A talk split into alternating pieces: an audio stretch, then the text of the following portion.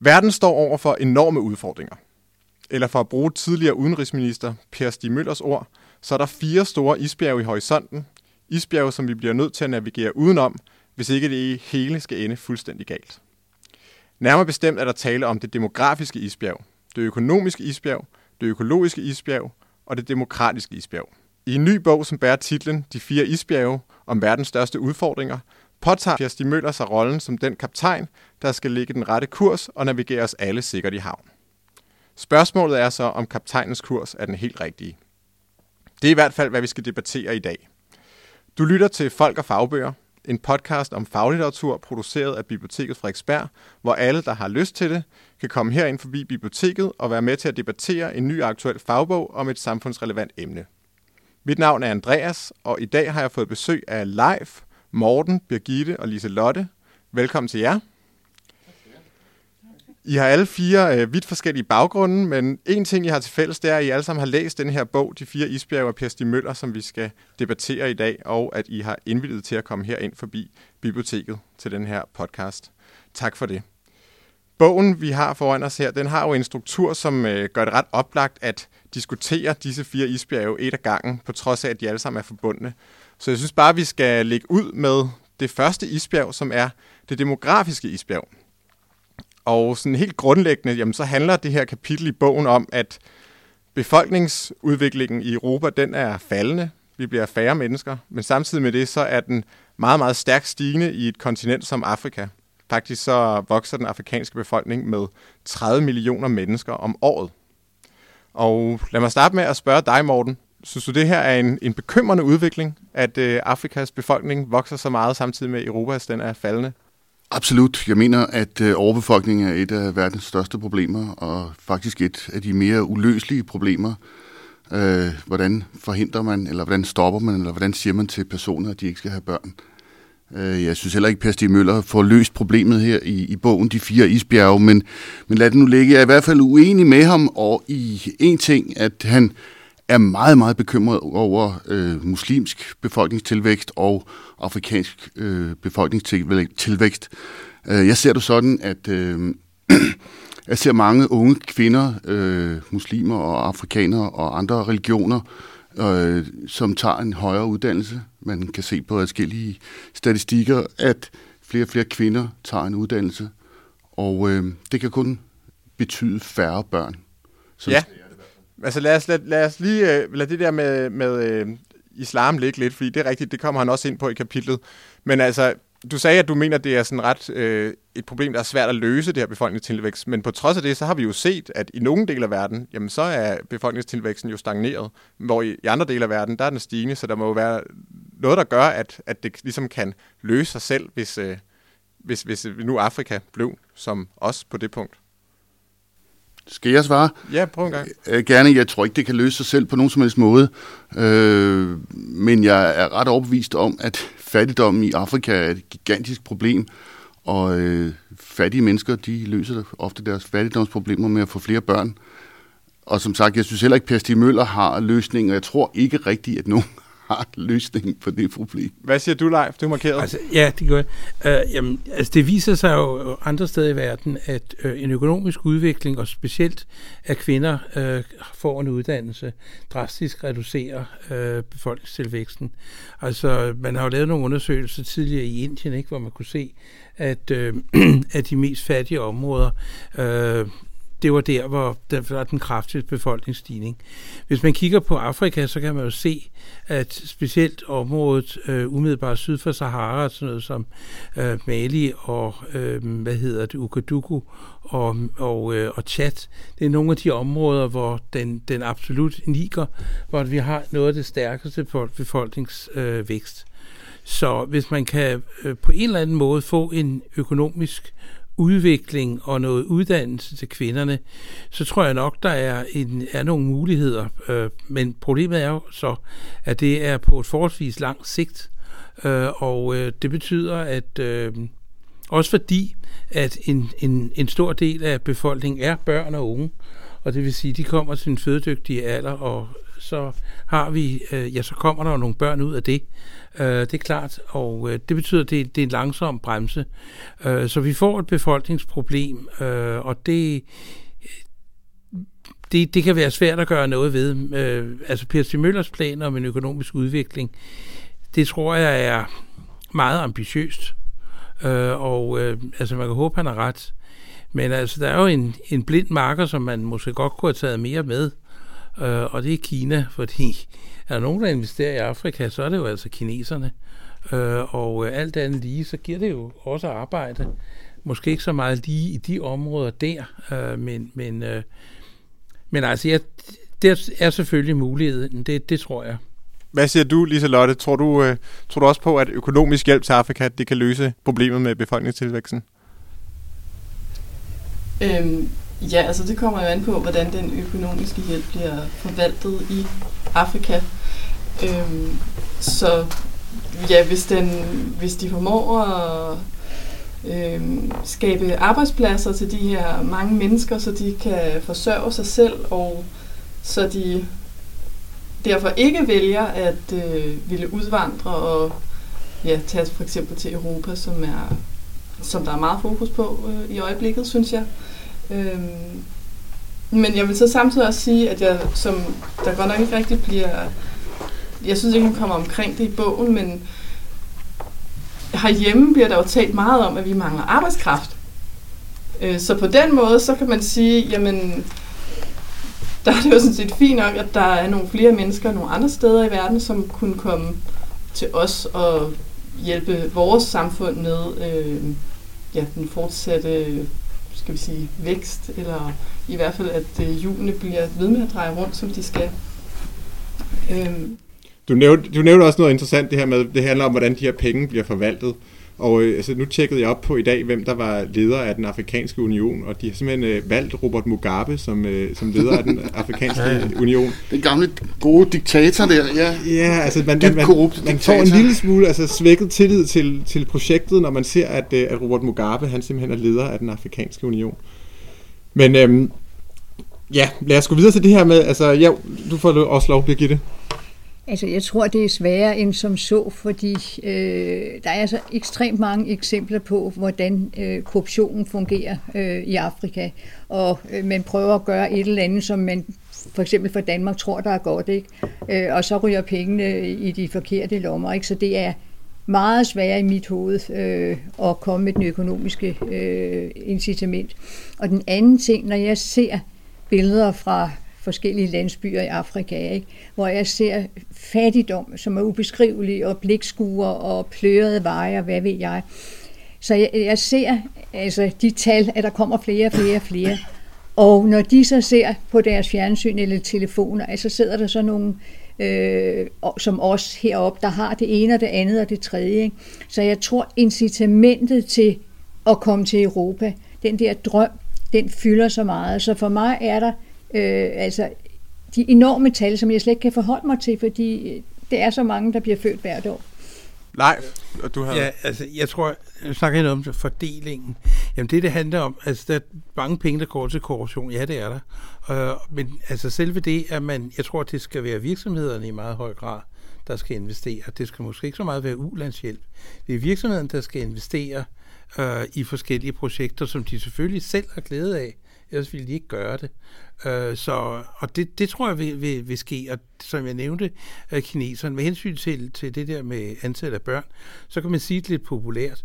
Børn skal være en udgift og ikke en indtægt så får man færre af dem. Altså i Danmark er børn en kæmpe udgift for en familie.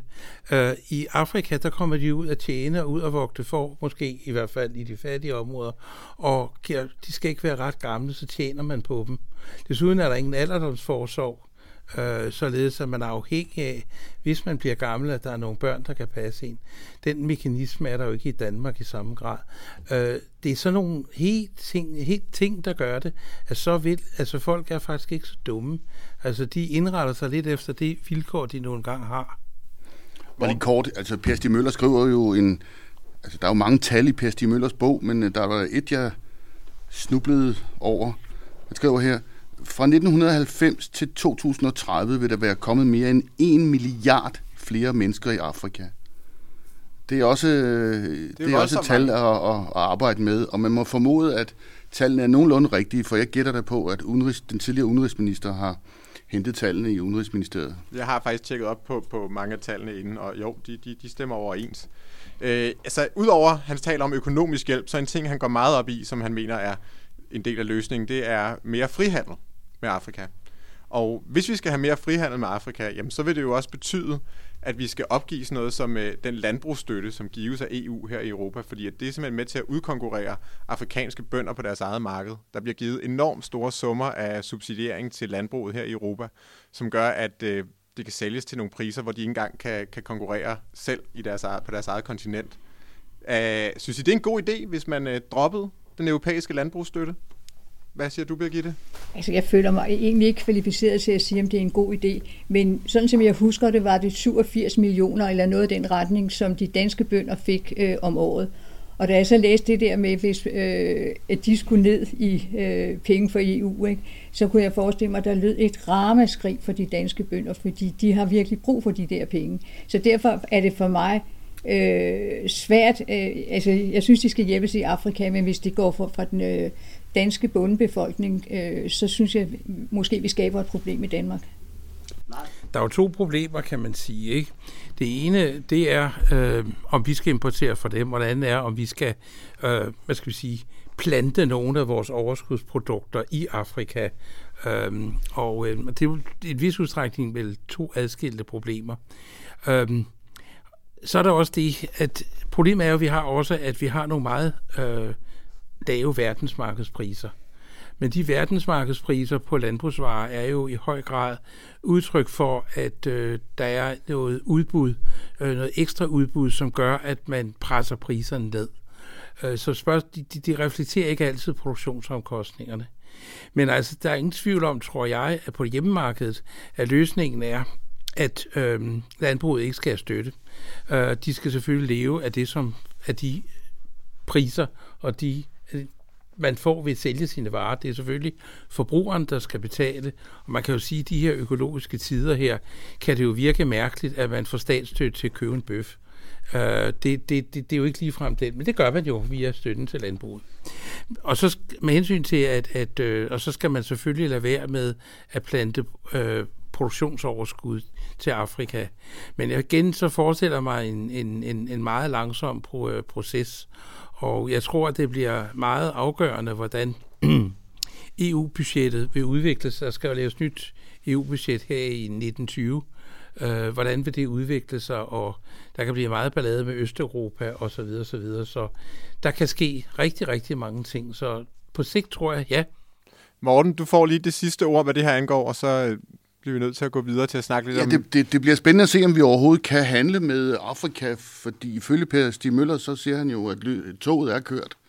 Altså, vi skulle have investeret øh, meget kraftigt øh, og holdt ved investeringerne i Afrika. Nu har Kina overtaget. Og øh, der har jeg oplevet en afrikaner, jeg talte med, som havde en meget skæg vinkel på, på Afrika og Kina-problematikken. Det var, han sagde, at da, da vi arbejdede med de europæiske arbejdsgivere for en 10, 20, 30 år siden, det var hårdt, og de udnyttede os. Og, og, og det, var ikke en, det var ikke en rar oplevelse. Men vi kunne tale med dem. Nu er kineserne kommet, og det er bare kæft trit og retning, og øh, en helt anden form for arbejdsgiver, som er langt værre end øh, europæerne. Så det bliver meget spændende at se. Mm. Ja. Øhm, du nævnte her før, øh, Morten, øh, øh, problemet med, eller det som Per Stig Møller ser, er problemet med islam, at den muslimske befolkning øh, andel i Europa, den vokser, og det, det mente du så ikke var, var et stort problem, og du kom var inde på, at man kunne se, at, der, at altså, muslimske kvinder tager øh, længere videregående uddannelser og øh, klarer sig godt i samfundet. Men altså, jeg tror også, det Pia Stig Møller han er inde på, det er, at det kan sagtens være, at, at de klarer sig godt og har gode jobs og har øh, gode uddannelser, men at de bare har en fundamentalt anderledes måde at se på, hvordan et samfund skal indrettes end os. Altså nu så jeg for eksempel her for nylig, at øh, der var noget statistik over, øh, hvem, hvilke dans, hvor mange dansboende tyrkere, der havde stemt på Erdogan ved det tyrkiske valg. Øh, og det var 54 procent øh, af, af, af dansboende tyrkere, der havde bestemt på Erdogan. Altså, de kan jo sagtens være læger, advokater og ingeniører alle sammen, men er det ikke et problem, at der bor mennesker øh, i Europa, som støtter den form for autoritære ledere? Øh, hvis du spørger mig, så kan jeg jo kun svare ja til det. Øh, det er der da ingen tvivl om. Øh, men folk må jo i de, i de europæiske demokratier stemme på, hvem de har lyst til. Altså hvis vi begynder at lave en eller anden form for, for censur over for, hvad folk stemmer på, så, så er demokratiet ikke meget værd. Øh, jeg, jeg, altså, problemer er der nok af. Jeg synes, overbefolkning er et større problem øh, end, end, end hvad folk stemmer på. Jeg tror, vi må tage et problem ad gangen. Fint. Jamen, øh, vi går videre til... Vi, går, ja, vi bliver nødt til at gå videre simpelthen. Vi går videre til det, det økonomiske isbjerg, som er det næste isbjerg, som Per Stig Møller han taler om her. Og helt grundlæggende, jamen, så handler det om, at øh, Europa sakker bagud i den øh, globale konkurrence, hvorimod sådan nogle som, som land som Kina er på vej frem. Øhm, Lise Lotte, ser du, at det er et, et, et, et problem, at øh, hvis vi bliver fattigere her i Europa, og, og kineserne bliver rigere? Øhm, jamen, det, det er jo også sådan lidt uh, relativt, fordi det er fattigere på hvilken måde. Øhm, jeg jeg tænker, at hvis, øh, hvis jeg stadigvæk kan øh, stå op om morgenen og få mad og øh, grundlæggende være tilfreds i mit liv og øh, ikke være øh, ja, bange for noget, så øh, har jeg egentlig ikke noget imod, at kineserne bliver rigere. Øh, per Stig Møller, han fortæller jo så også om, at det egentlig heller ikke er noget problem, at øh, Kina har så stor en vækst og måske får en langt større andel. Jeg tror ikke, det er måske, det får de øh, sådan som han præsenterer det. Men at vi stadigvæk for, kan formå, igen, øh, hvis man navigerer i alle de her øh, isbjerge, han beskriver, øh, men altså at vi formår stadigvæk at kan fastholde vores standard. Ja, altså han snakker om, at, at, at det, der skal ske, det er simpelthen, at, at den samlede kage skal blive større, og så får vi alle sammen noget mere af kagen. Hvad siger du, Birgitte? Du har markeret. Ja, nu øh, siger jeg, hvad Per Stig Møller siger. At han siger, at når vi importerer fra andre lande, som ikke importerer for os, øh, så får vi altså øh, et økonomisk problem. Og sådan som jeg læser ham, så siger han, at vi bliver nødt til at skære voldsomt ned på de offentlige ydelser og overførselsindkomsterne. Øh, så altså, jeg læser ham som om, at han ser et økonomisk problem øh, i fremtiden. Og så vil jeg lige tilføje, Øh, jeg læser sent som i dag om, hvor mange øh, udenlandske kvinder i Danmark, øh, der ikke er på arbejdsmarkedet. Øh, og der forestiller jeg mig jo, at det er de ældre, vi taler om. Øh, men det er jo altså virkelig mange, øh, som har siddet derhjemme i rigtig mange år. Ikke? Øh, så der er nogle penge, vi er nødt til at betale til nogen, som måske faktisk godt kunne arbejde. Altså jeg har jo hørt om nogen, så havde de sukkersyge, og så mente de ikke, de kunne arbejde. Ikke? Så der er noget, når vi nu er så kloge på, hvad vi vil gøre for afrikanerne, så kunne det være, at vi også kunne øh, kigge på nogle ting herhjemme. Leif, hvad tænker du om det økonomiske isbjerg? Altså... Jeg vil lige sige til dig, at hvis de skal i arbejde, så kræver der nogen, der beskæftiger dem. Øh, altså, hvis I ikke kan tale dansk, og, og, og øh, så kan det jo godt blive svært at komme hos en arbejdsgiver og sige, at øh, og hvis de ikke ved noget om, om forhold i Danmark, så, så der, der er rigtig mange problemer. Nå, men økonomisk isbjerg, jamen jeg er da enig med Liselotte i, at jeg synes heller ikke, det er noget problem, man bliver rigere i, i Kina, øh, så længe selvfølgelig det kan fungere under en, en ansvarlig økologisk ramme, fordi det, det kræver jo ressourcer hver gang, man skal bruge noget mere. Øh, så jeg synes, man kan også sige, altså nu har vi jo mange år givet ulandshjælp for den tredje verden skulle blive rigere. Når den så den tredje verden bliver rigere, så kan du ikke nødvendigvis sige, åh, oh, det var nok ærgerligt, det må de ikke blive. Øh, det, det, det hænger ligesom ikke sammen. Selvfølgelig, selvfølgelig vil vi gerne have, at den tredje verden bliver rigere, og øh, som vi kaldte det engang, nu snakker man ikke så meget om den tredje verden mere, men jeg synes, det er en rigtig god ting, at Kina bliver rigere. Og øhm, ja, det skal selvfølgelig ikke være sådan, at jeg tror ikke, at Danmark skal være fattigere. Det, man, jeg synes, der er det tankegang i bogen, det er jo, og det hører med jo sådan traditionelt, specielt borgerlig og socialdemokratisk tankegang, at man, man ikke længere ud på venstrefløjen, der accepterer man jo, at man, man ikke skal bare skal stige i, øh, i, i vækst. Um, at for at finansiere for det første øh, Afrikas befolkningsproblem, få den vækst der, det er jo det, der blandt andet skal bruges penge til. Og så selvfølgelig også klare den økologiske udfordring. Det er også en gigantinvestering, forestiller øh, Per Stig Møller sig jo. Og det tror jeg da også er rigtigt, øh, hvis vi skal bare vare levestandarden, og vi skal investere i nye systemer og en anden infrastruktur osv. Altså det er det, som skal, der skal til. Øhm, og øhm, og Men, det, Jamen altså, Per Stig Møller, han har jo den her forestilling om, at, at vi skal bare fortsætte med ubegrænset eksponentiel vækst i, ud i en uendelighed. Altså, han, han er simpelthen ja, ja. indstillet på, at vi nogensinde skal stoppe med at vækste. Men han og, mener jo også, at, at, at det er nødvendigt for at klare de investeringer, der skal til. Det er rigtigt, ja. Det, det, det siger han, at det, det, det er vi nødt til, hvis vi skal omstille vores økonomi ja. til en mere grøn Han bruger det meget for omstilling, og så siger han ikke så meget, hvad der skal se om 100 år. Altså, men altså, inden for den her ramme, der er det de der store omstillingsbehov, øh, og de skal finansieres, og det skal så tages fra overførelsesindkomsterne. Det er det, han, han, han mener. Det, og, øh, og det med overførselsindkomsterne, det vender vi tilbage til, men jeg kunne godt tænke mig at blive ved det her med ubegrænset vækst. Morten, tror du på fuldstændig ubegrænset vækst ud i det uendelige? Nej, for pokker da overhovedet ikke. Tværtimod, og jeg tror på ingen måde, at vækst øh, kan gå hånd i hånd med økologi. Øh, det, øh, altså, i gamle dage i 70'erne, der var det venstrefløjen, der blev ved med at tale om økologi og, og sådan noget mærkeligt, noget som mikromakromad, som sådan set bare viste sig at være vegetarmad. Og det var kunne hjælpe mig også nogle mærkelige mennesker over i øh, Jylland, som begyndte at lave vindmøller. Det var også nogle mærkelige kommunister. Øh, det var ikke noget, man troede på. Øh, sprøjtegifte væk med det, og nej, det troede man ikke på. Det er først her inden for de sidste 10 år, hvor der begyndte at komme penge i økologien, at det er begyndt at vinde indpas i et så fremskrevet land som Danmark og Skandinavien for den til skyld. Øh, Kina har en anden dagsorden. Kina har en dagsorden om at skabe en middelklasse, øh, dels en middelklasse, som ikke har nogen demokratisk øh, indflydelse på landet, fordi det er regulært blevet til et diktatur. Men øh, jeg tror på ingen måde, at Kina kan, kan, kan lave en økologisk forsvarlig vækst. Og jeg ser heller ikke denne økologiske forsvarlige vækst i Asien. Øh, Øh, de lande er nogle fantastisk dejlige lande på mange måder, men de halter altså en lille smule efter, for ikke at sige meget, øh, de halter meget efter hele den grønne tankegang. Øh, det kan godt være, at øh, Kina køber lidt vindmøller, hister her, og, og, og gerne vil fjerne deres ekstreme øh, smog fra deres store byer, men, men jeg må altså sige, at både Asien og, og, og Kina halter alvorligt efter, og der, der, der, der er lidt bange for den vækst, når så mange milliarder mennesker bare eksploderer ud i et, i et uh, forbrugervanvid, som jeg ser det. Lise Lotte?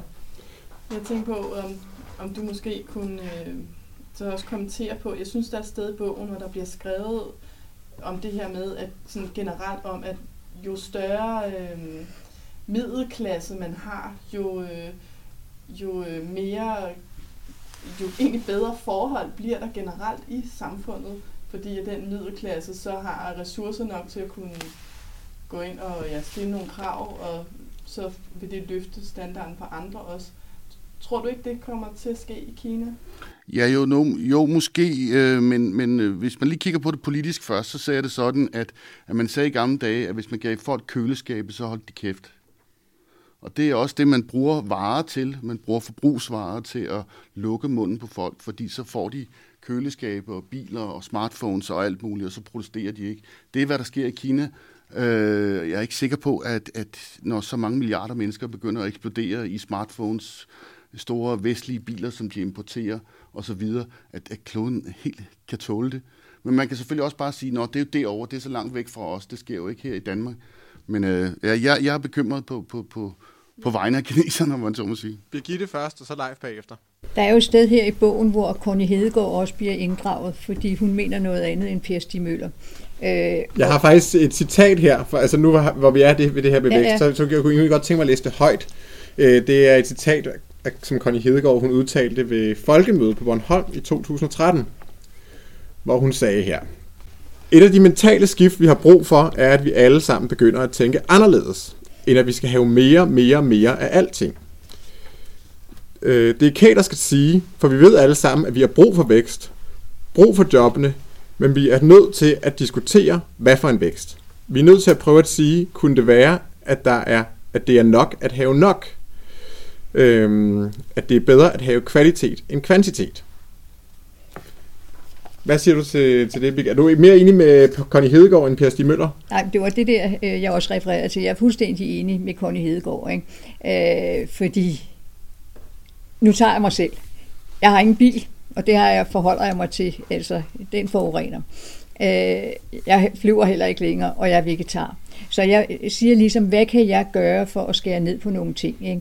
Og jeg tror, det er helt nødvendigt, øh, at man begynder øh, at leve anderledes. Det bedste eksempel, jeg kan komme på, det er dem, der er flere og flere, der har en kødfri dag. Altså for at sige, at man kan godt ændre noget i det små. Ikke? Øh, men vi har ikke brug for alle de ting, som vi køber hele tiden, og som vi får hældt i hovedet for øh, alle mulige reklamer. Ikke? Per Stig Møller han vil jo nok sige, at det er sådan set lidt ligegyldigt, om vi har brug for dem eller ej. Grunden til, at vi skal lave de her ting, det er, fordi det skaber arbejdspladser. Så, så kan det være ligegyldigt, altså om det er Pokémon-kort eller hvad det er. Altså det, det betyder jo ikke noget, om det rent faktisk gør vores hverdag bedre. Det handler jo bare om, at det skal skabe nogle arbejdspladser, så der kommer gang i hjulene og beskæftigelsen. Ja, men øh, altså hvis vi nu tager det, vi snakker om før Kina, og ser alt den røg og møg, som de får øh, udviklet ved alt det, de laver. Ikke? Altså jeg tror, at vi øh, sætter vores forbrug, så vi slår os selv ihjel på længere sigt. Hvad siger du, Leif? Jamen altså, jeg er da sådan set enig i, at, at øh, vi skal have en kvalitativ vækst. Øh, og, øh, og jeg mener, at man kan få en kvalitativ vækst. Der er jo ikke noget i vejen for, at... Hvad mener men, du med kvalitativ vækst? Ja, det mener jeg for eksempel, at hvis du går ud på restaurant, at, at maden er så bedre, den er lavet bedre, den er dyrere, den er bedre, der er brugt mere, øh, mere arbejdskraft på den, og den er lavet øh, på en bedre, den smager bedre. Men når Per Stig Møller taler om vækst, så taler han jo om helt klassisk BNP, altså ja, bruttonationalproduktet ja, ja. stiger. Altså nu er der jo meget, altså BNP er jo også på mange måder en omstridt størrelse, fordi at øh, alt muligt kommer med, øh, og øh, lige meget om, om, om, om det giver en tilfredsstillelse eller ej. Øh, og og øh, der tror jeg da nok med de økologiske udfordringer, vi bliver nødt til på sigt at snakke om, om, øh, om, om BNP-begrebet er så øh, smart som... Altså BNP grunder sig jo i industrisamfundet, og ikke i, i vores type samfund. Øh, og... Øh, så derfor tror jeg, men altså hvis du laver en bedre mad, øh, og kan tage ikke 300 kroner, men 400 kroner for en regning, ja, så vil du også øge BNP med det.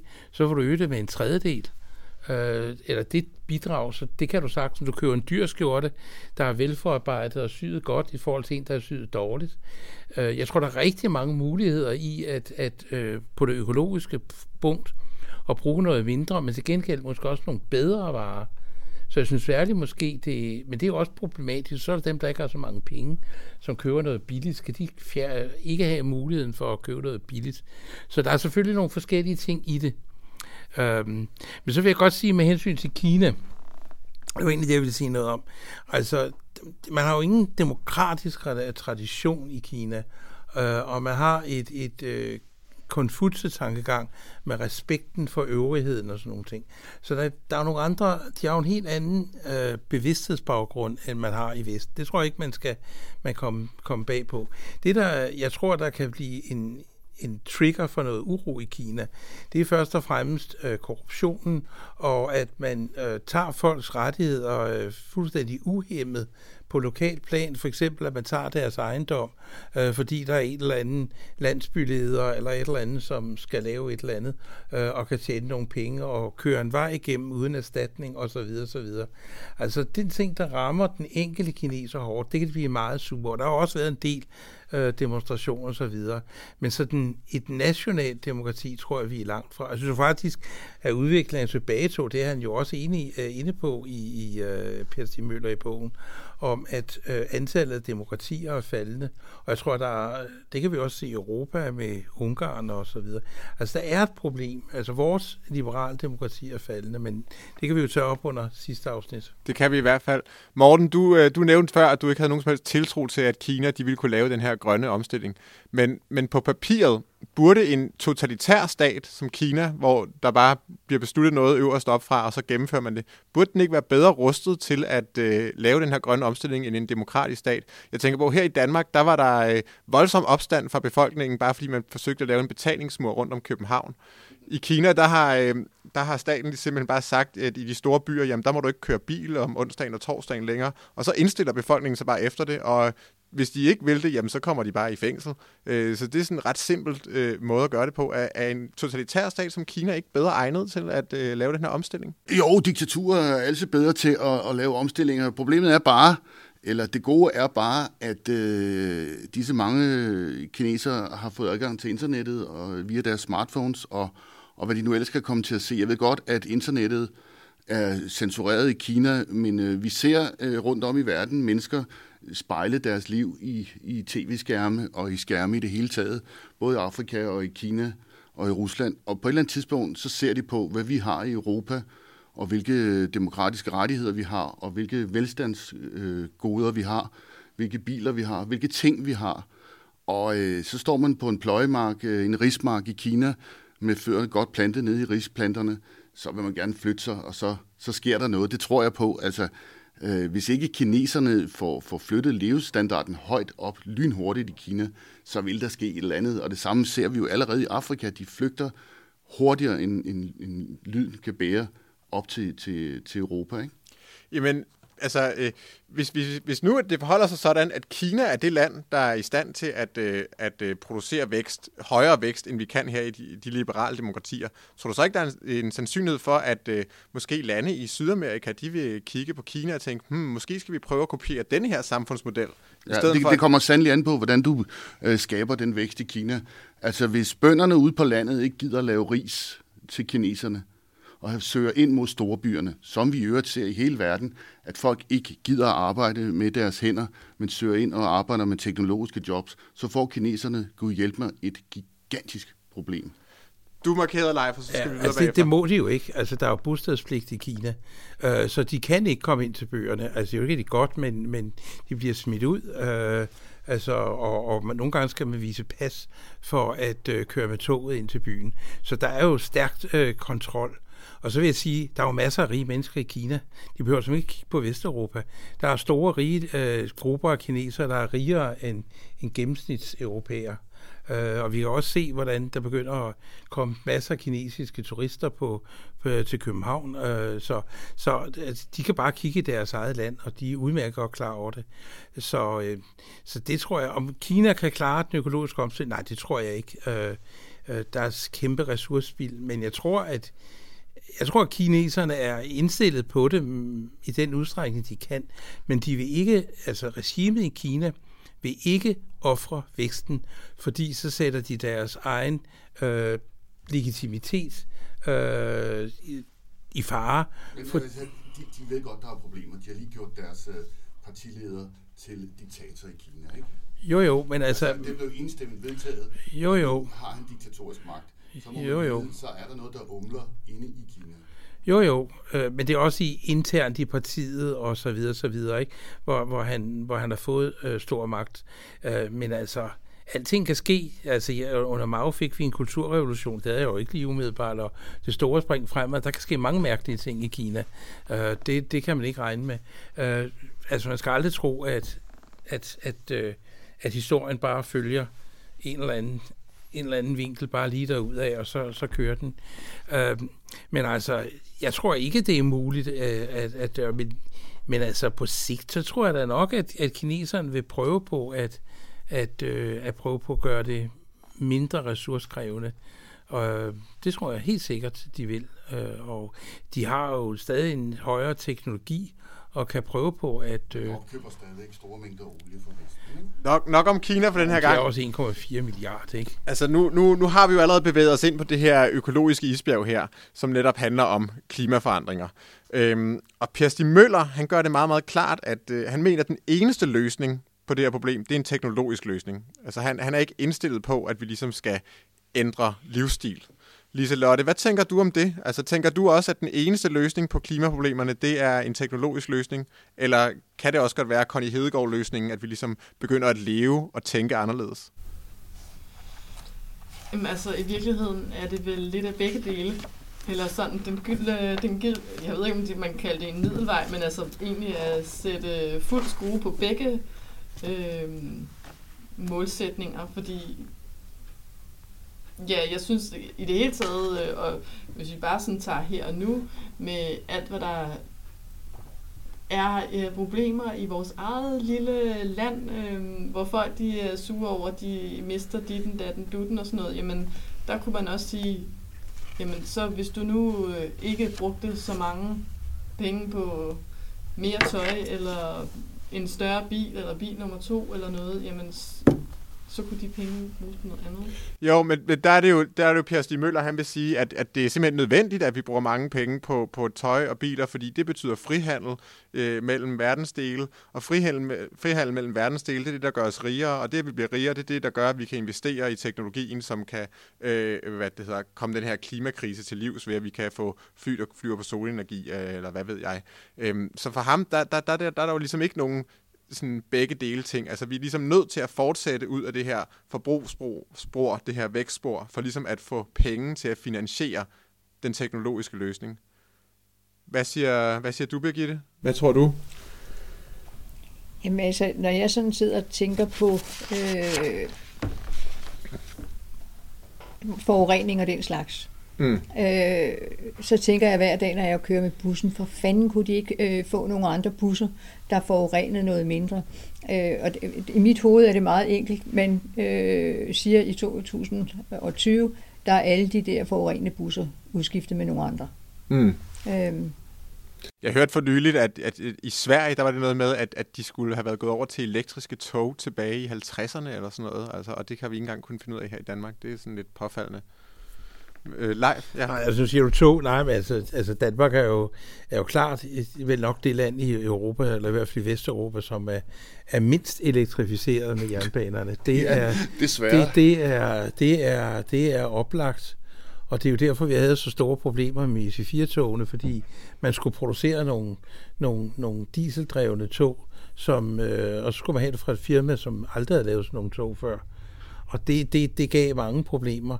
Men altså, svenskerne gjorde det jo ikke af miljøhensyn. Det gjorde det jo, fordi at, at de havde jo masser af billig øh, el øh, fra deres øh, vandkraftværker. Vattenfall, ja. Vattenkraft. Ja, ja, det er bare fordi, jeg, øh, jeg, for nogle måneder siden skulle jeg på sommerferie med min hustru, vi kører i tog, og ved siden af os, der sidder så en øh, politiker, Karl Holst fra Venstre, og så sidder der en politiker fra Enhedslisten, som er Enhedslistens repræsentant i øh, transportudvalget, eller hvad hedder det inde på Christiansborg? Øh, transport hvad hedder det, transportminister, altså det udvalg, der har med transport at gøre. Og Karl Holt sidder, øh, så sidder vi og snakker om, vi sidder i DSB-tog, og det er lidt forsinket, og der er lidt bøvl og sådan noget. Så begynder Karl Holst fra Venstre at grine og drille enhedslisten manden. Og men, men I kunne også bare lade være med at købe de der IC4-tog.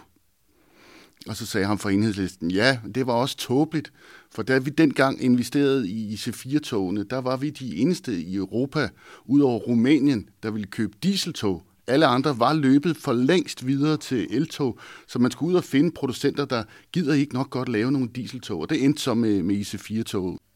Øh, god anekdote at slutte af med her på det økologiske isbjerg. Øhm, lad os gå videre til det sidste kapitel i bogen, det demokratiske isbjerg, og det er det længste kapitel i bogen. Han bruger absolut allermest tid øh, og øh, tryksværte på det her kapitel her.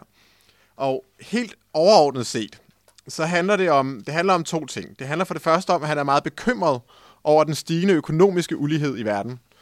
Og at han er bekymret over, at den her stigende økonomiske ulighed, den vil føre til, at vi ser en, en fremgang i forskellige populistiske strømninger, øh, populistiske politiske strømninger rundt omkring i verden. Vi ser det allerede i Ungarn med Viktor Orbán, i Polen og i USA naturligvis med Trump som øh, præsident. Og Tyrkiet ikke mindst. Øhm, Lise Lotte, synes du, at, øh, at stigende økonomisk ulighed i verden, er, er det noget, der bekymrer dig? Ja, det er det. Øhm, fordi, eller jeg må hellere øh, omformulere det.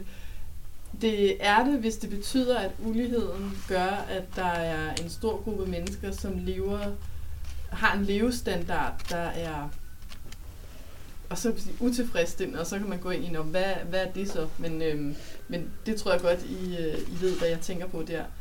Øhm. Så, så ulighed er sådan set ikke et problem. Det der problem, det er fattigdom. Ja. Okay. Hvad tænker, er I andre enige i det? Hvad, siger, hvad siger du, Birgitte? Altså, når jeg læser nogle tal med, hvor mange penge de rigeste mennesker har i verden i forhold til øh, den almindelige befolkning, så synes jeg, at det er øh, provokerende. Øh, Og øh, jeg mener også, at Per Stig Møller kommer ind på, at jo større gruppen af fattige bliver, så ligger der, eller kan der ligge, et ulmende oprør, der siger, at det her, det gider vi altså ikke at finde os i øh, på længere sigt. Øh, og det tror jeg faktisk, øh, han øh, har ret i. Det synes jeg, det, altså, det ser vi jo allerede øh, nogle steder. Så det er et problem, fordi det fører til social uro også? Altså. Ja, men må jeg lige tage, at Per Stig Møller var jo fremme, da øh, de nye indskrænkninger på DR kom, og, og dem var han meget imod. Øh, og det er sådan en ting, som bekymrer mig meget, fordi når det er for færre penge, og nogle af pengene rører ud til, jeg ved ikke hvem, det ved vi jo ikke rigtigt endnu, øh, men nogen, der nok skal også have nogle økonomiske interesser, ikke? så bliver det for mig ligesom Facebook og den slags ting. Ikke? At hvor øh, jeg ser, at nogle af de der øh, ting øh, har så stor indflydelse på, hvad folk øh, kan eller vil eller må. Øh, så derfor er jeg bange for, at sådan noget som Facebook overstråler øh, politikerne på længere sigt. Altså, jeg ser en kæmpe far i det der. Ja. Øh, Leg først, og så Morten bagefter. Ja, altså, jeg synes jo først og fremmest, det er underligt, når han gør så meget ud af den her sådan, så store indkomstforskel, som, og den stigende ulighed, øh, at han så har været øh, formand i en periode, og øh, akt, og, og, og, og, og ledende i en længere periode øh, i et parti, der går ind for topskattelettelser og som går ind for skattelettelser. Altså man må nok sige, der er jo en gigantisk forskel mellem det, han skriver her, øh, og øh, også med hensyn til moderniseringen af den offentlige sektor og udlicitering og alt muligt andet. Men han skriver faktisk også i bogen, at, at når, når han er inde på, hvordan at det her klimaproblem skal finansieres, så skriver han også, at vi skal ta- ikke tage pengene fra, fra flere skatter, fordi det vil gøre os ukonkurrencedygtige. Ja, ja, det er rigtigt. Jeg synes heller ikke, de konservative har været så hæftige ude med at, at kræve topskat. Og det sjove ved, jo, ved det, var det, de det, det, eneste, det eneste nye, uh, Per Stig Møller skriver i den her bog, og det skriver han sort på hvidt, hvad vi er vidner til af kapitalismens selvmord. Ja. Det må man sige er noget af en erkendelse ja. fra den gamle konservative... Men han er jo stadigvæk kapitalist, jo. Han vil jo gerne redde ja. kapitalismen. Oh, men det, jo, jo. Det, det, det hører du ikke meget fra højrefløjen sige, hvad vi er vidner til af kapitalismens selvmord. Sandt. Det er en markant udtalelse fra, fra en konservativ. Så jeg synes, han går virkelig... Han, han er virkelig mere venstreorienteret, i hvert fald, end i hovedstrømmen i de konservative. Det må man sige, ja. ja han er jo også pensioneret. Jeg, Ja, det tænkte jeg også, at han var pensioneret. Nu kunne han sige, hvad han ville. Og det synes jeg var, var, var meget, meget bemærkelsesværdigt, at, at han tog det op fra Piketty og nogle af de andre, som har, har regnet på de her ting og lavet nogle tabeller. Lad os lige forklare lytteren, hvem, hvem Piketty er. Altså Piketty er en fransk økonom, som for nogle år tilbage udgav et værk, der hed Kapitalen i det 21. århundrede. Og det, som der sådan er hovedpointen i det her værk, det er, at fra 70'erne og frem, så er der sket en udvikling, hvor lønninger i samfundet, de ikke er stiget særlig meget, de er forholdsvis stagneret, men afkast fra kapitalinvesteringer i ejendom, aktier osv., de er steget markant. Så det, at man har penge, det gør, at man er i stand til at afle flere penge langt mere effektivt, end hvis man er lønarbejder. Så. Ja, og her i Danmark har det jo været meget vigtigt med ejerboliger, ikke? fordi ejerboligerne sidder så utrolig meget, specielt i de store byer. Ikke? Og København og Frederiksberg.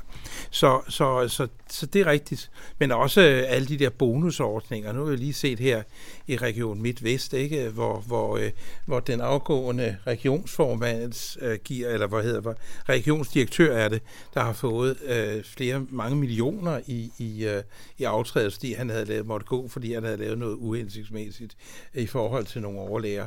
Altså, altså jeg mener, det er, jo ikke, det er jo ikke sådan noget, der bliver fordømt fra konservativ side. Ah, det fordømmer han dog i bogen her. Ja, men ikke fra, ikke fra partiet, vel?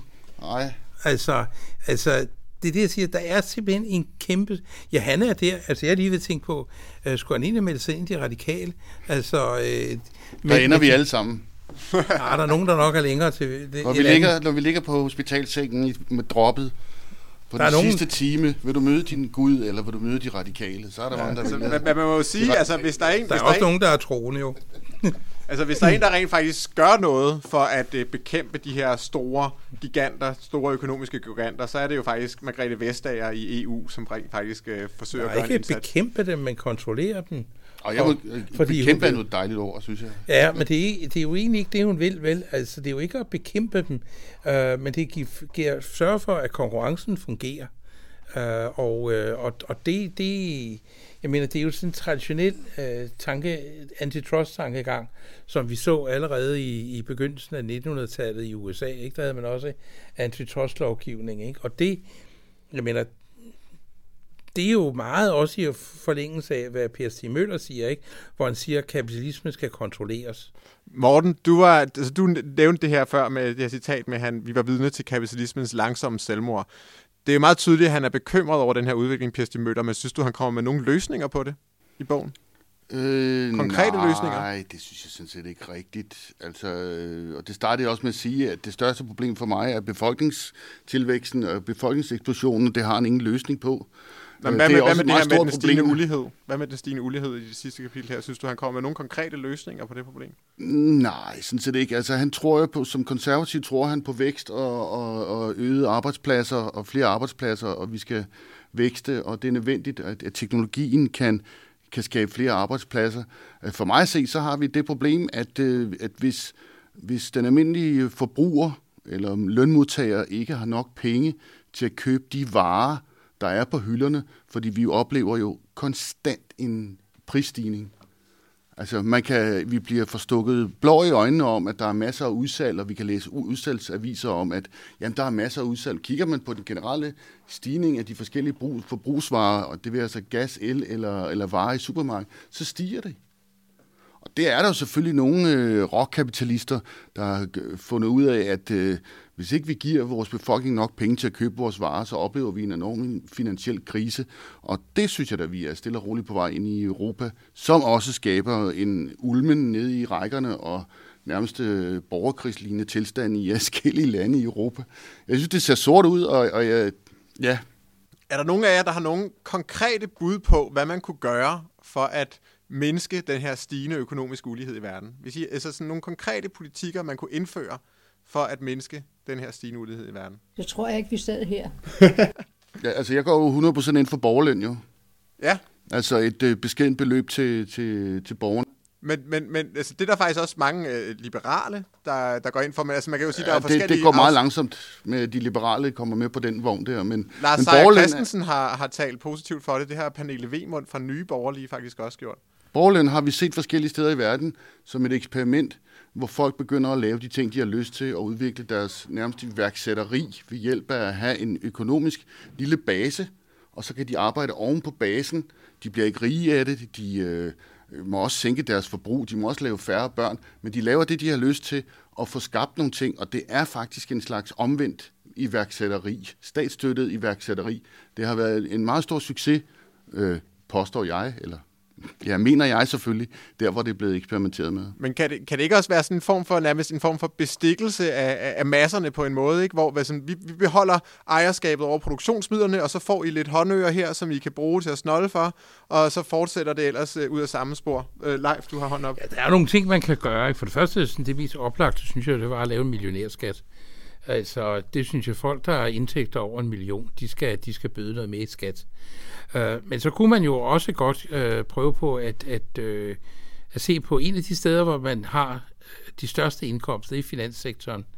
Øh, og der kunne man jo øh, godt, der er det jo faktisk mærkeligt nok gået således, at man har liberaliseret og liberaliseret og liberaliseret øh, fra særligt i USA, øh, fra omkring 90, hvor man havde noget meget restriktivt øh, lovgivning over finanssektoren, som så er blevet lettet pudsigt nok under, under Bill Clinton. Uh, men, og det startede vist allerede under Reagan. Ja, men det, det fik fart under med de reformer, der skete i 90'erne, uh, hvor det der med en glas et eller andet lov, som blev, blev ophævet. Og, uh, og den, der kunne man jo, efter min mening, måske godt prøve på at styre uh, finanssektoren lidt strammere. Man er jo begyndt med lånerestriktioner osv. Så, videre. uh, så synes jeg også måske, at man måske, hvem ejer rigtig mange aktier? Det gør jo for eksempel pensionskasserne. Man kunne jo godt forestille sig, at de også gik videre øh, og, øh, og øh, prøvede på at øh, kontrollere noget kraftigere øh, de bestyrelser, der ikke bare gav nogle kæmpe lønninger til øh, direktionerne, sådan så at øh, man, man, man blev mere, mere altså brugt til sin aktiestyrke. Men, men det løb er jo kørt. Altså kapitalfonden har jo opkøbt mange, mange store Ja, dele det- af Danmark, og, og de fleste af de ting, vi bruger, er, eller mange af de ting, vi bruger, er blevet privatiseret. Ikke? Det kunne Jo. sagtens, man kunne sagtens vende den udvikling om, hvis der var politisk vilje til det. Ja, Og så skal du altså bruge rigtig mange penge på at købe firmaerne tilbage igen. Nej, altså det er ikke fordi, at man skal købe firmaer, det er, men, men kapitalfondene, eller, eller ikke kapitalfondene, men pengene ligger på- i pensionskasser, mange penge ligger i pensionskasser, og man kan se, hvordan pensionskasser og også mindre aktionærer trods alt bliver en, en, en, en, stærkt, en stor del i forhold til, hvad kan man sige, de gamle industrifamilier. Fordi, øh, og der mener jeg måske godt, at man, man, man kunne få nogle jeg tror, der ligger mange perspektiver i prøver at påvirke, også økologisk osv. osv. i at dem, der sidder med pengene og ejer det på lønmodtagernes vegne, også stiller flere krav, også krav om, at det der pjat med at uddele mange millioner til folk, for eksempel øh, Thomas Borg, når han går af fra Danske Bank, så skal han lige have nogle millioner ekstra. Der er vel 15 millioner et eller andet, han lige skulle, lige skulle skibes ud med. Det argument, man altid hører, altså, fordi der er jo en stort set altid offentlig farvelse, når man hører om de her gyldne håndtryk her, Ja, ikke? det især i sådan en sag som, øh, som Danske Bank her. Men, men det argument, man altid hører, det er, jamen altså, det er arbejdsmarkedet, der selv forhandler sådan nogle kontrakter her. Det skal staten ikke blande sig i. Det Det skal kan, ikke være det, staten. det, det kan staten ikke heller ikke gøre. Det skal heller ikke være staten, men... Øh, Hvordan vil du så stoppe disse... Jamen ja, det er jo i høj grad fagforeningsfolk og, og lønmodtagerrepræsentanter, der sidder i de pensionskasser.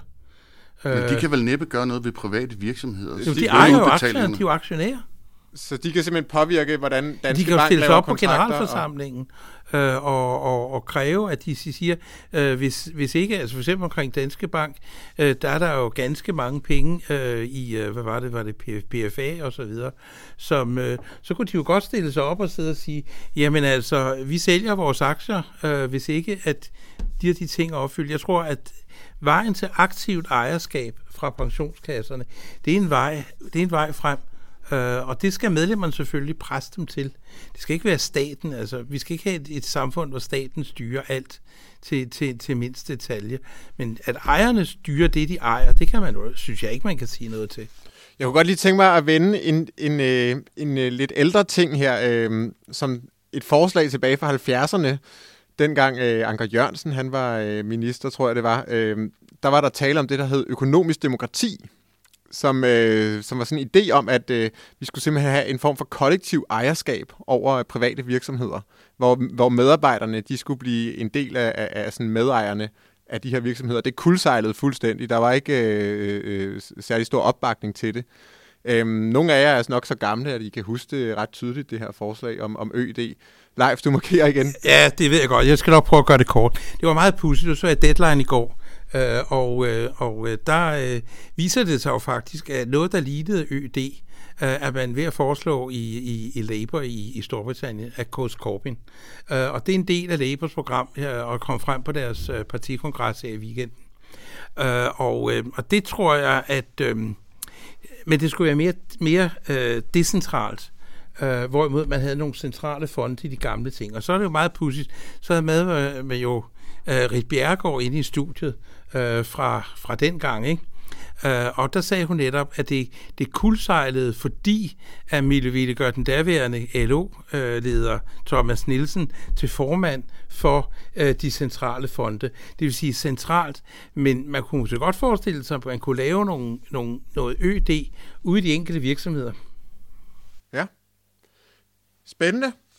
Jamen, øhm, lige til her til sidst på falderæbet, så skal vi også lige snakke lidt om populisme. Øh, nu har vi snakket rigtig meget om ulighed og økonomi. Øhm, Liselotte, er du bekymret over de her populistiske strømninger, vi ser rundt omkring i verden i dag? Altså både øh, Trump i USA, Viktor Orbán i Ungarn, øh, Erdogan i Tyrkiet. Altså at vi ligesom ser, at øh, de her folkeforfører, der måske ikke har de samme sådan, tiltro til det liberale demokrati, eller det samme forhold til det liberale demokrati, at de vinder magt rundt omkring i verden, i den vestlige verden i dag. Ja, det synes jeg helt sikkert er problematisk, øhm, fordi det hænger egentlig også lidt sammen med, nu nævnte du tidligere, det var godt nok med Kina, og du sagde, at der var en masse mobiler og underholdning, altså folket er, er underholdt, så den, det, den demokratiske øh, engagement er måske også faldende, og det hænger så lidt sammen, det der med populismen, tænker jeg, at så er det nemmere at falde for de der øh, kortsigtede øh, løsninger, kan man måske sige, eller præsentationer, hvor det der med at se det langsigtet, som man jo især får præsenteret i den her bog, det, øh, det vil jeg sige, det er nok de færreste i min omgangskreds, der har den indsigt, som der er i den her bog, og det vil også blive svært for mig at, at diskutere med dem, hvis jeg ikke kan få dem til at læse bogen først, fordi at de bare ikke har det øh, store udsyn. Men havner man så ikke bare lidt i den her øh, sådan, tese om, at jamen, grunden til, at folk de stemmer på Trump og så videre, det er fordi, de er lidt dumme?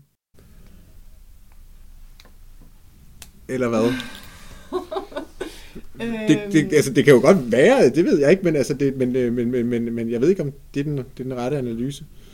Åh, oh, det er nok lidt for, øh, for, for simpelthen at sige, sige dumme. Man kunne så også sige, at dem, der, der har mere viden, har måske været for dumme til at forklare om, hvordan nogle andre ting hænger sammen, sådan så man egentlig oplyser folk på en måde, så de kan forstå det. Mm.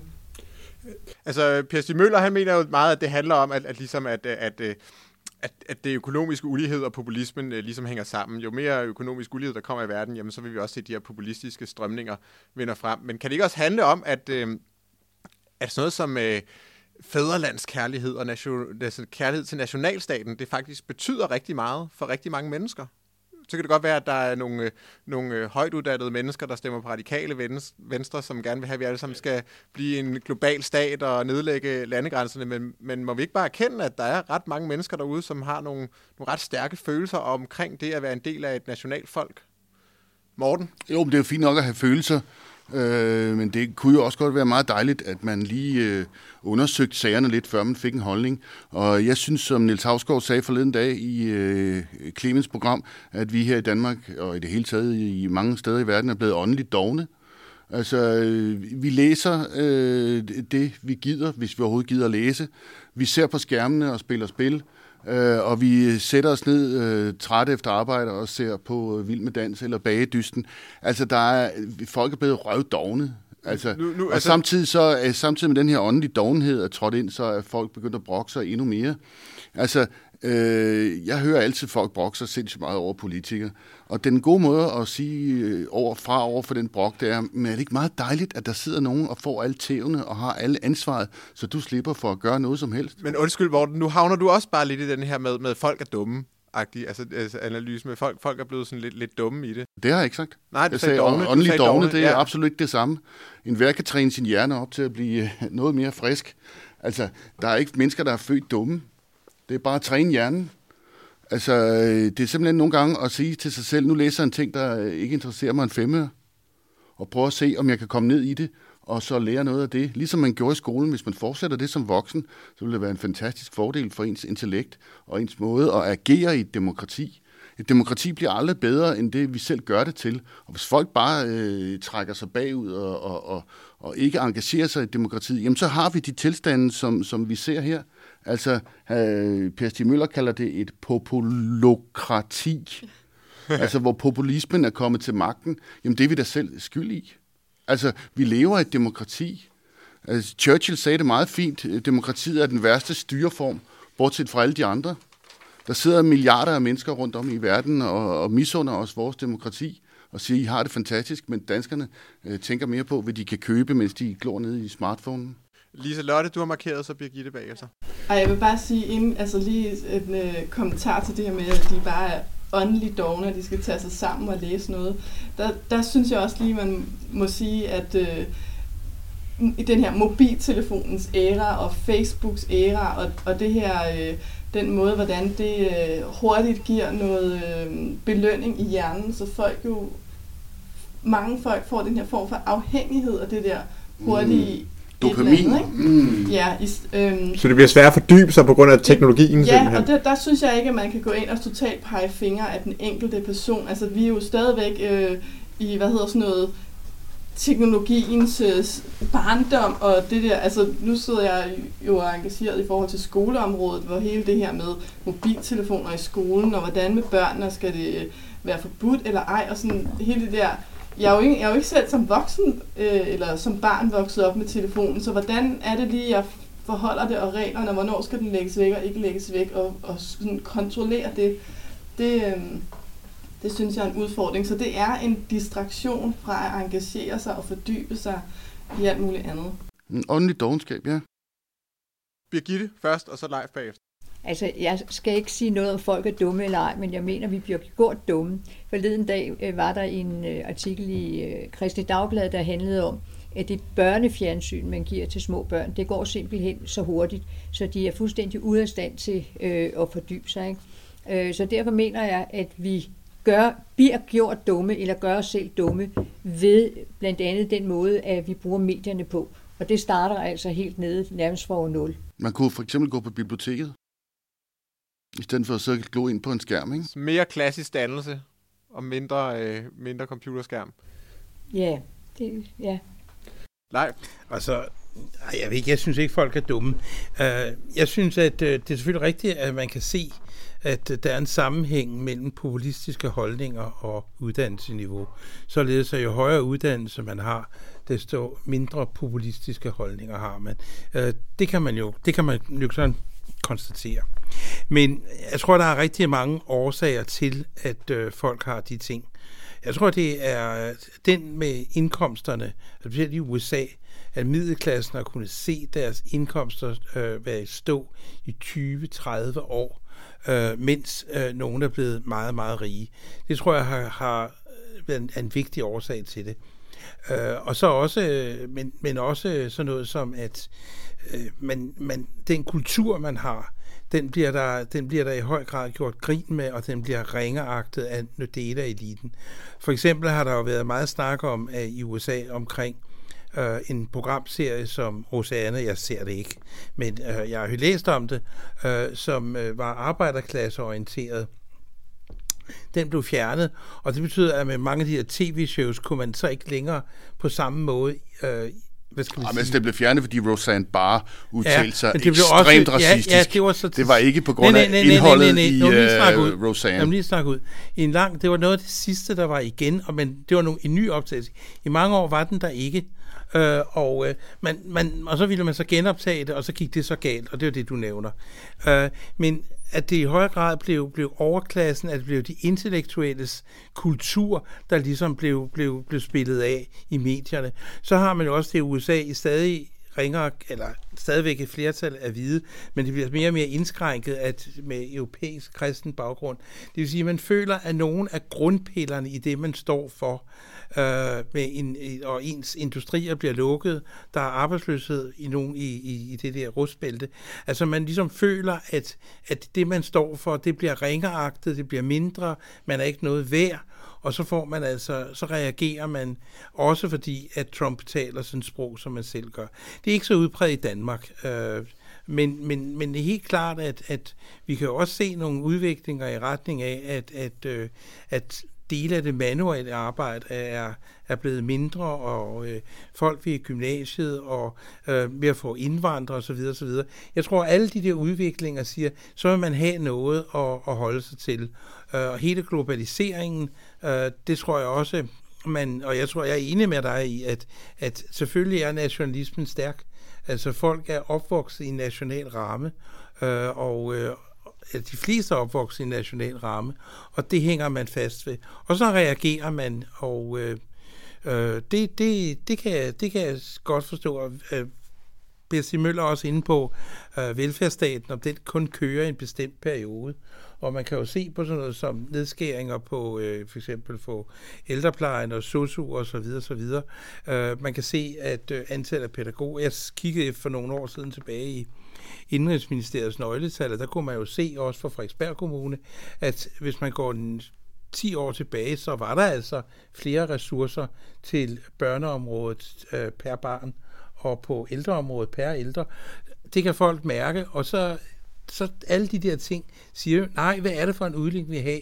Vi vil have den udvikling, som vi kendte for 20 år siden, eller den, det samfund, vi kendte for 20 år siden med de ting. Og det, det, det tror jeg, folk reagerer imod. Det, det er mange forskellige ting, der ligesom gør. Det, jeg synes, det er nogle interessante ting, du bringer frem, Leif. Også det her med, at det ikke bare handler om økonomi, men det handler også om kultur, om en særlig arbejderkultur, der ligesom er blevet ringeagtet. Fordi hvis det bare handlede om økonomi, jamen så ville det jo have været Bernie Sanders, der er blevet præsident i USA, og ikke Donald Trump. Øhm, men vi skal til at runde af her nu, og om lidt så vil jeg spørge jer en øh, af gangen, hvad I synes om bogen. Men inden da, så får I lige et, et spørgsmål øh, hver, som lyder, hvilket af de her fire isbjerge ser I, som er den største udfordring for os, hvis I skal vælge et kun? Og vi starter med dig, Morten. Du har allerede sagt det, faktisk. Jeg har allerede sagt det. Overbefolkning. Yes. Det er altså det demografiske isbjerg. Så går vi videre til øh, dig, Liselotte. Eller du, vi, du får lige lov til at tænke en gang. Så tager vi Birgitte nu. Jamen, jeg behøver slet ikke at tænke, fordi jeg siger det demokratiske. Demokratiske, ja. Hvad siger du? Ja, jeg er enig. Det er det demokratiske, der er det største problem. Der, der er ingen af der har sagt klimaforandringer nu, men altså man kan sige, det hænger jo selvfølgelig sammen det hele. Det, det hænger det, nøje sammen, vil jeg sige. Det, det gør det, især overbefolkning. Det, ja, det vil jeg nok sige. sige. Klimaforandringer og overbefolkning hænger meget nøje sammen, synes jeg. Hvad siger du, Liselotte? Hvad er den største udfordring, vi står overfor i verden lige nu? Jeg synes, det er, jeg synes, det er svært, altså netop fordi de hænger sammen. Øhm,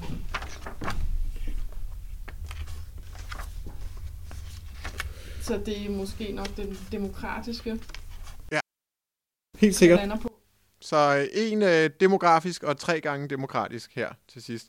Øhm, så synes jeg lige, I skal have lov til at sige sådan helt overordnet, hvad I synes om den her bog, vi har læst i dag, De fire isbjerge af Per Stig Møller. Lad os starte fra den anden ende nu. Vi starter med dig, Leif. Hvad synes du om bogen? Jamen, jeg synes, at altså, jeg er jo sådan øh, i svært stykker af vejen enig med ham, øh, at øh, kan vi styre udenom de her isbjerge på demokratisk vis?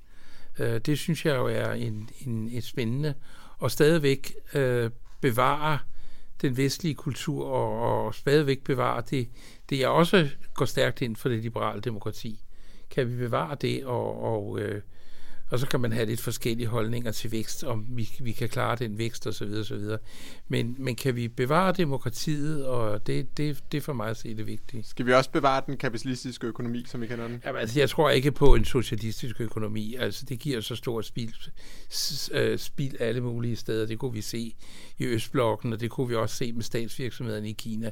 Øh, det, det, det kan man ikke. Man bliver, ja, det kan man godt, men det kommer til at gå dårligt. Altså, jeg ser på foråret i bogen, og der står til mine børnebørn, som skal overtage denne verden. Øh, og sådan har jeg det lidt selv, og jeg synes, øh, jeg er jo ret gammel, at øh, jeg har prøvet at kæmpe for mange ting i, meget af mit liv. Ikke? Øh, og når han skriver om de der fire isbjerge, øh, så synes jeg, at det er meget foruroligende. Jeg synes, det er en god bog, og jeg synes, den er let læst, øh, og øh, man kan være enig eller uenig på nogle punkter. Ikke? Men jeg synes, den giver stof til eftertanke. Og det jeg så vil sige, det er, den dag jeg lukker mine øjne, så har jeg de der børnebørn, der skal leve videre i det her samfund.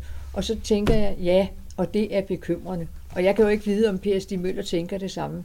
Men jeg er altså derhenne og tænker på mine børnebørn. Fint. Så er det dejligt, Lotte. Ja, helt overordnet så synes jeg, det var en øh, god bog. Der, vi har ikke snakket så meget om, hvordan den egentlig øh, ser ud og størrelsen på den, men den er jo, som sagt, som I har sagt, øh, I har andre også sagt, at den er let læst. Øh, den er på under 200 sider. Den er øh, cirka A5 størrelse. Altså jeg synes, den er også øh, let, den er både sprogligt let læst, men også sådan overkommelig i størrelsen. Det er ikke en, i forhold til den tyngde, som der er indholdsmæssigt øh, i forhold til, at man får øh, udvidet sin horisont sådan på, øh, på det store plan øh, i forhold til EU og verden og, og de ting, hvordan de påvirker Danmark, så, øh, så er den nemlig en, en sag, som jeg tænker vil appellere til rigtig mange. Det eneste, jeg savner i den, det er nogle øh, illustrationer, både af de forskellige altså sammenhænge inden for hvert isbjerg, og også imellem isbjergene, og han har også nogle, en del steder, hvor han ramser en hel masse tal op, øhm, hvor det kunne have været rart med noget illustration. Så det der er ikke en eneste graf i bogen, faktisk. Det er rigtigt. Ja. Der, der, der er masser af tal, men ikke en eneste graf. Ja. ja. Dig, Morten? Øh, jeg er jo forfatter, så jeg går op i sprog og, og det slags. Jeg synes, det er død kedeligt skrevet. øh, det, det er jo noget, man har kunne læse i aviserne de sidste 10 år. Der er meget, meget lidt nyt i det her overhovedet. Øh, I øvrigt har han skrevet andre bøger, så langt, langt mere spændende. For eksempel Udenrigsminister øh, i krig og fred har Per Stig Møller skrevet, som øh, kommer meget tættere ind på, ja, selvfølgelig nogle af de samme ting, men også ind i regeringsapparatet, og, og hvor han fortæller øh, direkte hemmeligheder. Det her, det er sådan en lidt skolemesterbog, som Gyldendal har bedt dem om at skrive. Øh, vi har brug for en lille kort bog, med, med, øh, som alle kan læse. Øh, ja, man kan også bare læse aviser i stedet for. Altså, det, er det, det er det samme kedelige sprog, og det er det samme emner, og de samme... Øh, bare, bare læse sin daglige avis. Uanset hvad det er for en avis, så står der præcis det samme. Og øh, i øvrigt så er udenrigsministerens politik her ikke markant på nogen som helst måde. Det er sådan set Danmarks øh, generelle udenrigspolitiske holdninger, der kommer til ord her. Der er ikke meget nyt under solen andet, end at han erklærer, at vi er midt i kapitalismens selvmord. Så, så ja, jeg kunne godt have sprunget den over. Fint. Tak for det. Og det blev det sidste ord for i dag. Jeg skal lige sige, at du har lyttet til Folk og Fagbøger, en podcast om faglitteratur, som er produceret af Biblioteket Frederiksberg. Og hele konceptet for den her podcast, det er, at alle, der har lyst til det, de kan blive deltagere. De kan komme herind og være med til at debattere en ny og aktuel bog om et samfundsrelevant emne. Og hvis du har lyst til at være med, så er det, du skal gøre, det er, at du skal sende en mail til mig, Andreas, på anje25 frederiksberg.dk Øh, og så svarer jeg dig tilbage lynhurtigt. Og hvis du har lyst til at høre andre podcasts, så kan du finde dem inde på vores hjemmeside, fkb.dk. Vi har en hel sektion, hvor der ligger en masse podcasts, og du kan selvfølgelig også finde os på iTunes. Bare søg på folk og fagbøger. Tusind tak, fordi du lyttede med.